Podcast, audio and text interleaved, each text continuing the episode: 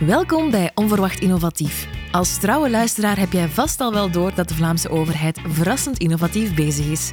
Maar hoe ver reikt die innovatie precies? En hoe groot of klein moet een project zijn om mee aan de slag te kunnen gaan? Met veel plezier verwelkom ik Veerle Lories en Anne Schrijvers van Pio. Veel luisterplezier!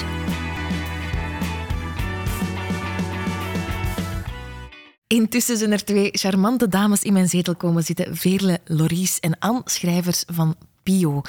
Welkom, dames. Dank u. Dank je wel. Vertel eens, wat doen jullie Alex bij Pio precies? Uh, ik ben, uh, ik ben Vele Lories en ik ben verantwoordelijk voor het programma uh, in Innovatieve Overheidsopdrachten. Dus ik zorg voor het dagelijks beheer, de coördinatie en dat het team alle gelegenheden heeft om zijn werk goed te doen. Oké, okay, mooi. En Anne? En ik ben uh, dus Anne Schrijvers en ik werk nu een vijftal jaar, meer dan vijf jaar voor het PIO. En ik begeleid daar eigenlijk meer dan ondertussen, denk ik, 25 concrete innovatietrajecten samen met partners binnen de publieke sector en uiteraard ook met veel uh, bedrijven uit de private sector.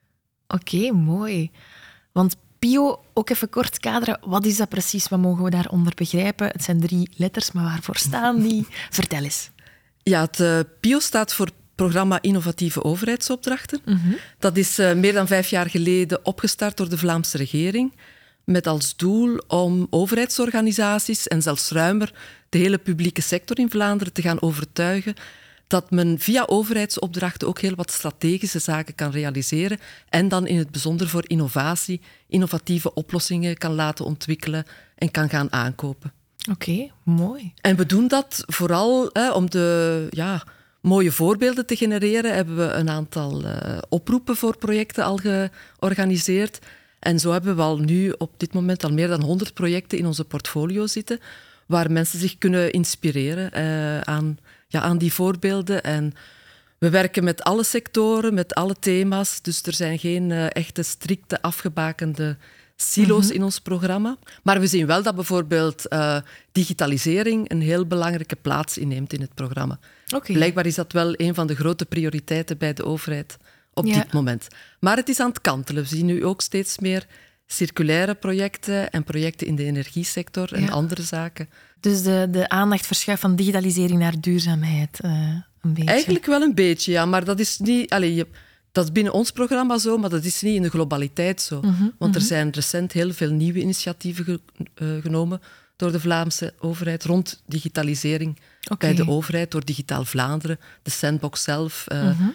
gemeentes onder gemeentehuis, lokaal digitaal, noem maar op. Ja, en ook daar ja, ja. gebeuren heel veel innovatieve digitaliseringsprojecten. Oké. Okay. Ja, je haalt Sandbox zelf ook al uh, mm -hmm. even aan. Sandbox Vlaanderen is uiteraard de, de um, moeder of vader van, van deze podcast. Hoe verschillen jullie van elkaar? Ik denk dat we zeer complementair aan elkaar werken. Er is misschien ook wel een, een stukje overlap wanneer wij binnen ons programma ook kleinere proof of concepts en dergelijke gaan opstarten en laten ontwikkelen. Dan zit het heel dicht bij elkaar. Maar ik denk dat de Sandbox eigenlijk een ideale generator is voor wat grotere pilootprojecten, innovatieve mm -hmm. projecten, die dan in hun vervolg bij Bio zouden kunnen worden ingediend en uitgevoerd. Oké, okay, oké. Okay. Dus jullie volgen eigenlijk, uh, sluiten mooi op elkaar Wij sluiten aan. in principe heel mooi op elkaar aan, ja. ja. Oké. Okay. Mooi. De podcastreeks heet uh, Onverwacht Innovatief. Hè, vanuit het idee of vanuit het, uh, de knipoog dat mensen misschien niet altijd verwachten dat de overheid zo innovatief is of zo sterk inzet op innovatie.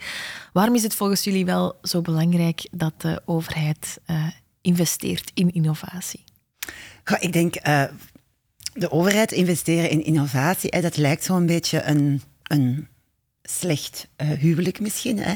Men zegt altijd dat publieke organisaties een beetje risicoavers zijn en eigenlijk niet uh, wil hebben om sprong te, in het onbekende te wagen. Want de meeste mensen uh, associëren innovatie altijd met succes.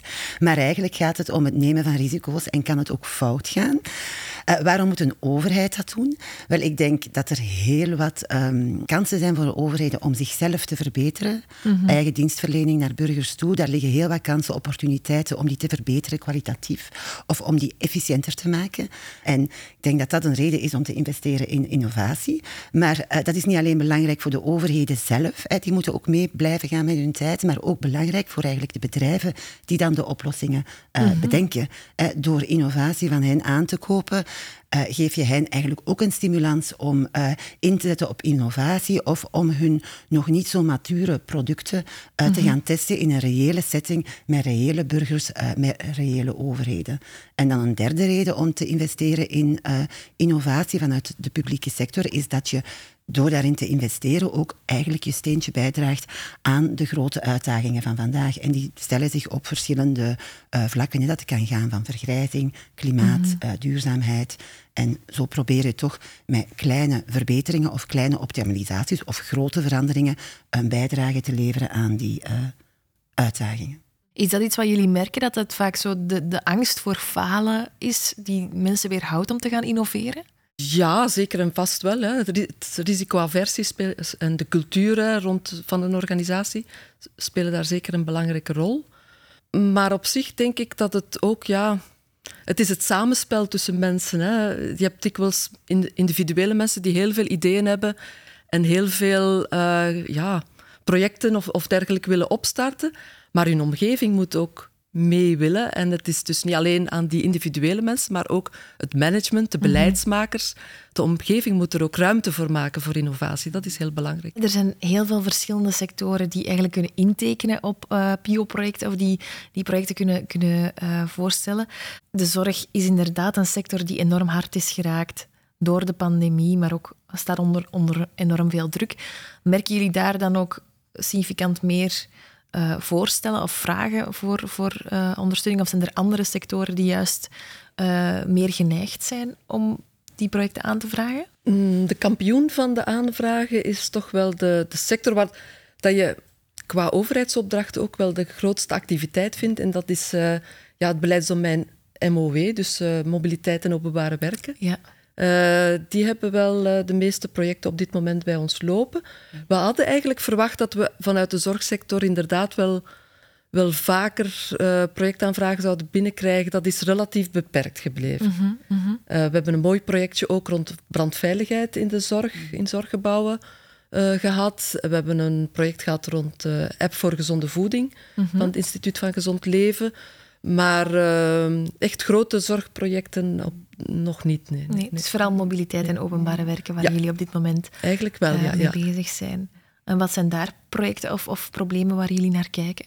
Oh, dat zijn er echt uh, ondertussen denk ik bijna twintig uitdagingen okay. die we samen aangaan met uh, mobiliteit en openbare werken. En dan bedoel ik het hele grote beleidsdomein met al zijn ja. uh, agentschappen. En dat gaat doorgaans ook om misschien ja, echt iets meer ja, technische uh, uitdagingen. Waar uiteraard altijd een factor digitalisering in zit, maar mhm. waar digitalisering altijd gekoppeld wordt met bijvoorbeeld monitoring en sensoring. Mm -hmm. dus uh, MOW heeft heel wat infrastructuur te um, monitoren. Mm -hmm. Dat gaat van sluisdeuren over bruggen, wegen, noem het op. En een aantal van die projecten hebben net als uitdaging om gebruik te maken van slimme sensoren om dan samen met data-analyse en digitalisering tot een beter, uh, wat men noemt dan asset management te komen. Een mm -hmm, efficiënter mm -hmm. asset management waarbij men dus veel sneller um, de toestand van zijn assets of van zijn infrastructuren mm -hmm. uh, gaat kunnen monitoren en in geval van slijtage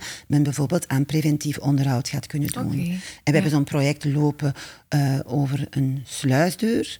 Uh, maar we hebben ook een volledig ander project, gaat dan eigenlijk over het monitoren van bruggen, mm -hmm. waarbij men geen sensoren gaat installeren op die bruggen, maar waarbij men gebruik wil maken van satellietdata. Oké. Okay. En die satellietdata met uh, artificial intelligence of andere hocus-pocus data science technieken wil laten analyseren om aan de hand van die satellietdata heel vroegtijdig ja, de kadukke bruggen te kunnen opsporen, zodanig dat men niet meer als een inspecteurs naar al die bruggen om de zoveel tijd moet sturen, okay. maar men eventueel een eerste triage kan maken op basis van die satellietdata en die slimme analyses. De analyse zelf, dat heet dan uh, INSAR. Uh, analyse, maar de technische details stel ik voor om zelf eens uh, te checken. Gaan we een aparte podcast reeks ja, over maken. Het gaat over het, ver, het vergelijken op pixelniveau van um, die beelden, die satellietdata, ja. continu schieten over aardoppervlakte. Mm -hmm. En door die uh, beelden te gaan analyseren op pixelniveau, kan je eigenlijk deformaties of afwijkingen op millimeterniveau Detecteren van bijvoorbeeld bruggen of dijken of dergelijke. Maar natuurlijk, het, de uitdaging daar zit dat men die analyses dus volledig zou kunnen laten automatiseren, ongeacht of het nu om een brug of een dijk of een, iets anders gaat. En nu zien we, het project is momenteel in uitvoering, maar tot hiertoe verloopt alles heel goed, maar het is zeker nog niet geweten of dat die grote automatiseringsslag eh, wel zal kunnen ehm, gemaakt worden en of het dan effectief wel op relatief korte tijd tot een, ehm, ja, wat men dan noemt, een automatisch structural health monitoring van bruggen, dijken en andere zaken Kan zal komen. komen. Dus dat blijft nog een groot eh, ja, vraagteken. Ja. Veel vraagtekens in innovatie, dat is, dat is nu eenmaal Ja. zo. Veerle haalde net ook aan, van, we hadden eigenlijk meer aanvragen vanuit de zorg verwacht, omdat er een sector onder druk is. Is dat ook geen probleem bij innovatie? Misschien dat, dat mensen die het het hardst nodig hebben of waar veel problemen zijn, misschien net niet die ruimte hebben om ehm, daarmee aan de slag te gaan? Ja, ik denk dat dat zeker in de periode van COVID, corona, voor die sector wel het eh, geval was. Maar wat we wel in het algemeen zien eigenlijk, eh, en dat is dan ruimer dan de zorg, is dat bijvoorbeeld in het, het relancebeleid, hè, denk ik wel dat er een aantal opportuniteiten zijn of geweest zijn die misschien niet altijd benut geweest zijn. In de zin van dat men snel gedacht heeft aan oké, we hebben die noden en we willen dat snel realiseren en dat er dan zaken als subsidies worden uitgekend, net toegekend, terwijl men eigenlijk gewoon aan het instrument van overheidsopdrachten niet altijd denkt om ook strategische zaken te gaan Ja. realiseren. En dat men denkt dat dat dan te complex of te moeilijk is, terwijl wij nu juist proberen aan te tonen dat het Ja, wel allemaal absoluut. Eh, haalbaar is en realiseerbaar is, ook zelf op relatief eh, eenvoudige manier. Eh, maar dat is een, een mindset die nog moet omgevormd worden eigenlijk, vooral bij de beleidsmakers. Hè. Ja, absoluut. niet zozeer bij de mensen op de werkvloer, maar vooral bij de beleidsmakers die moeten inzien dat het niet alleen gaat om het, uit, allee, het toekennen van subsidies, maar dat men ook door zelf vanuit de overheid in de lead te gaan zitten en te gaan meesturen, eh, dat men zeker eh, belangrijke oplossingen kan ontwikkelen, ook voor lange termijn zaken, voor eh, transities in, in sectoren en dergelijke. Absoluut. Maar Innovatie dat, er is nog veel werk ja. voor de boeg, dat zeker Kan ik me inbeelden. Wat zijn nog zaken die jullie doen om mee die mindset te helpen switchen? Ehm, de contacten met het management en met de beleidsmakers is niet altijd zo eenvoudig te leggen. Mhm. We proberen dat wel via de Vlaamse regering te doen, via kabinetsvergaderingen te doen en dergelijke. Maar dan nog vaak eh, zie je dat daar de dagdagelijkse drukte een beetje in de weg staat om, om echt... eh, ehm, we hebben wel ideeën daarover, maar het is zeker iets waar dat we in de komende jaren nog wel moeten verder aan, aan werken. Ja. Ook een eh, interessante uitdaging voor jullie, waar jullie rond kunnen gaan testen en experimenteren. Zeker en vast. ja. Ik denk dat het is eigenlijk... ehm, ja, hoe moet ik het zeggen? Het is bijna hallucinant dat als je beseft dat er, eh, hoeveel was het, eh, 30 miljard euro per jaar aanbesteed wordt, dus aangekocht wordt door de publieke sector, dat daar relatief weinig eh, ja, aandacht naartoe gaat. En dat eigenlijk eh, het aankopen van innovatie een instrument is dat tot nog toe eigenlijk weinig of niet gebruikt wordt. Hè. Eh, De meeste aankopers, de meeste publieke sectoren houden het bij hun ja, dagdagelijkse mainstream aankopen en ehm, beseffen als het ware niet dat ze met hun aankoopgedrag eh, ook wel iets in gang kunnen zetten. Iets dat goed is voor, ze- voor henzelf, maar ook goed is eh, voor de bedrijven en de maatschappij in heel. En ik denk dat die ehm, bewustvorming van aankopers, van dat ja, door iets aan te kopen, dat je echt wel eh, een markt kan stimuleren om het anders aan te pakken, ecologischer of eh, sociaal-maatschappelijker en dergelijke. Eh, het is ook jammer dat daar, denk ik, misschien het politieke niveau niet altijd van doordrongen is dat overheidsopdrachten, dat is misschien niet sexy, Ja, ja. maar dat er toch wel veel geld over eh, doorgaat en dat je misschien er toch voor moet zorgen dat dat op een, ook een veel efficiëntere manier eh, gebeurt. Niet alleen voor je eigen overheden, maar ook voor die bedrijven die moeten intekenen. En ik denk dat daar ook nog wel een grote optimalisatie kan gebeuren. De manier waarop aangekocht wordt in eh, Vlaanderen. Er zijn heel goede voorbeelden, maar ja, er zijn ook wel, wij botsen ook wel vaak op de limieten van verschillende eh, organisaties en hun, hun Mhm. de capaciteiten om op een, op een dynamische manier hun aankopen in de Ja. markt te zetten. Wat misschien ook nog belangrijk is om te vermelden, is dat eigenlijk het, heel, het eh, idee van innovatieve overheidsopdrachten of eh, het aankopen van innovatie, dat wordt eigenlijk al sinds de begin jaren 2000 door de Europese Commissie zeer sterk gestimuleerd. En zij blijven altijd op diezelfde nagel kloppen, al jarenlang, elke keer opnieuw. Zorgen ervoor dat de richtlijnen rond overheidsopdrachten daar ruimte voor maken. Ehm, ja, geven resoluties uit, allerhande. eh zodanig dat de lidstaten, de regio's, echt wel v- bijna verplicht worden om daar toch rekening mee te houden en in die richting te gaan. Maar het is wel een werk van vele jaren. Ja. Dat is wel duidelijk. Maar dat is ja. een mooie Ja. extra incentive om toch, eh, om toch die stap te maken. En ja, dan is het enerzijds bewustwording, hoor ik vooral, en dan korte termijn versus lange termijn misschien. Ja, dat een, is het ook wel. Ja, ja, een uitdaging. Want het, het Europese model van de, van de commissie is wel een beetje zo van ja, je kan, je kan ook pre, wat zij pre-commercieel aankomen noemen. En dat is eigenlijk echt investeren in onderzoek en ontwikkeling. vanuit, eh, om, om op lange termijn oplossingen te gaan ontwikkelen. Ja, dat is toch een beetje in conflict met de dagdagelijkse realiteit van veel organisaties die eigenlijk echt op zoek zijn naar oplossingen op relatief korte termijn. Toch? Ja. En we zien in de praktijk dat zelfs die, die oplossingen die al kort bij de implementatie staan, dat zelfs daar je dikwijls nog relatief veel tijd nodig hebt om die dan echt in gebruik te nemen en die echt te gaan implementeren. Hè. Dus eh, ja, ons, ons allereerste project was een project met het Vlaams Parlement, waar zij spraaktechnologie wilden gaan gebruiken voor de ondersteuning van hun verslaggeving. We hebben toen met een aantal bedrijven eh, ja, een soort van test ook gedaan, een proof of concept gedaan. Maar de kwaliteit daarvan was nog heel beperkt, hè, was slecht. Hè. Een beetje combinatie van, van wat de, ja, de data die in het Vlaams parlement konden worden gegenereerd, hè, de spraak die er was en dan de technologie die beschikbaar was, dat was nog niet helemaal compatibel. Maar dan om echt op lange termijn daarin te gaan investeren, ja, dat was dan boven de, ja, de noden van het Vlaams parlement eigenlijk eh, gegrepen. Hè. Dus dat, en, en ook andere organisaties zijn daar niet toe bereid of hebben de middelen niet om echt op lange termijn te gaan eh, investeren. Jullie hebben allebei ook het belang van falen of moeten kunnen falen eh, onderstreept binnen innovatie. Zijn er projecten geweest in het verleden die gefaald zijn, maar waar jullie wel enorm veel uit hebben geleerd? Goh, ik, ik heb niet, nu niet direct zo'n voorbeeld denk- in mijn hoofd zitten, maar... Is het echt falen? Het is dan meestal bijvoorbeeld proberen en dan te weten komen van hé, hey, dit is toch moeilijker dan dat we dachten. Ook voor de leveranciers is dat belangrijk, hè? niet alleen voor de Ja. overheden. Ehm, en dat betekent dan dat je dan een beslissing moet nemen van hé, hey, zien we het nog zitten om hieraan verder te puzzelen? Of zeggen we nee, nee, we gaan... Dit was een beetje te vroeg voor ons. Dat is niet aan ons om dit te initiëren. Wij trekken ons terug en we hopen dan dat de markt binnen dit Ja. en zoveel jaar met betere technieken komt voor de analyse van beelden of met eh, betere zaken komen. En als dat er is, dan zullen we dat wel aankopen. Dus, Het is maar het eigenlijk stopt nooit, soms wel, ja. Ja, maar het is nooit echt een falen, omdat het altijd een les eh, Ja. kan zijn. Ik Ja. denk dat we heel weinig projecten hebben die op geen enkele manier dan ergens verder gezet hebben, die dan ergens anders Ja. hun, hun weg gevonden hebben.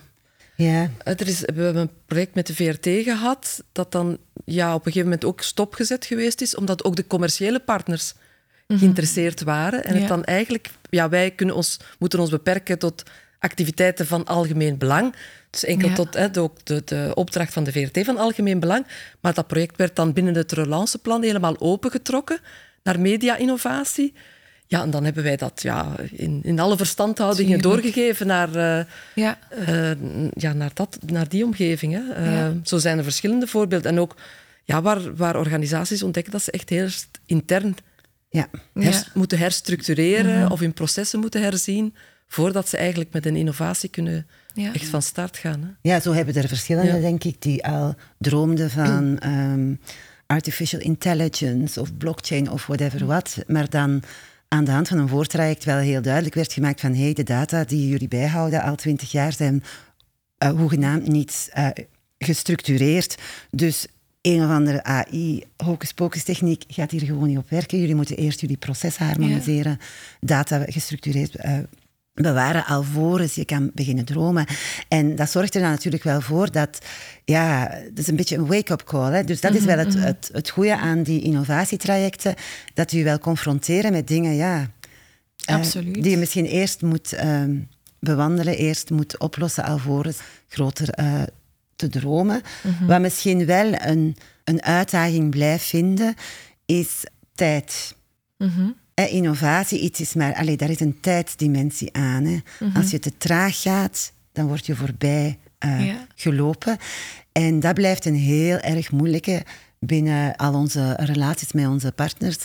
Om die tijd enerzijds, hè, dat is jouw grootste vriend, je moet kwalitatief te werk gaan, stap voor stap. Je moet niet ergens blind inspringen, maar je moet een beredeneerde risico nemen.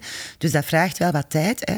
Ook overleg met de eindgebruikers, hen erbij te betrekken van het begin, vraagt allemaal tijd.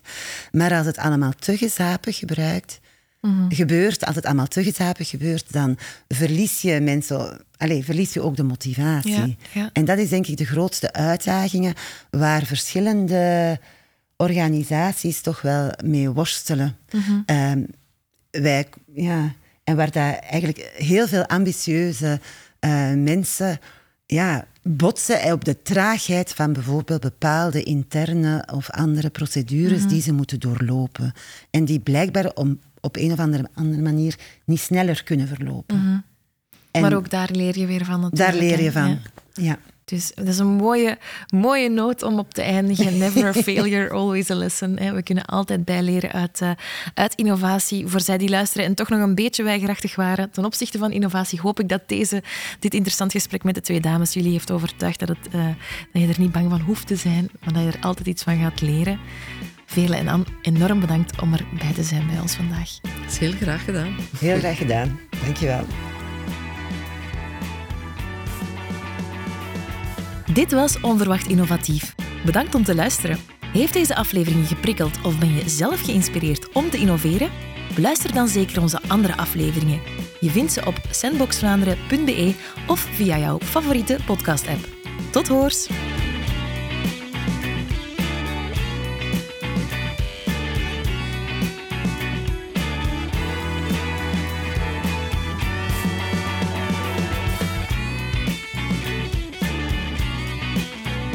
Dit was een podcast van de Vlaamse overheid.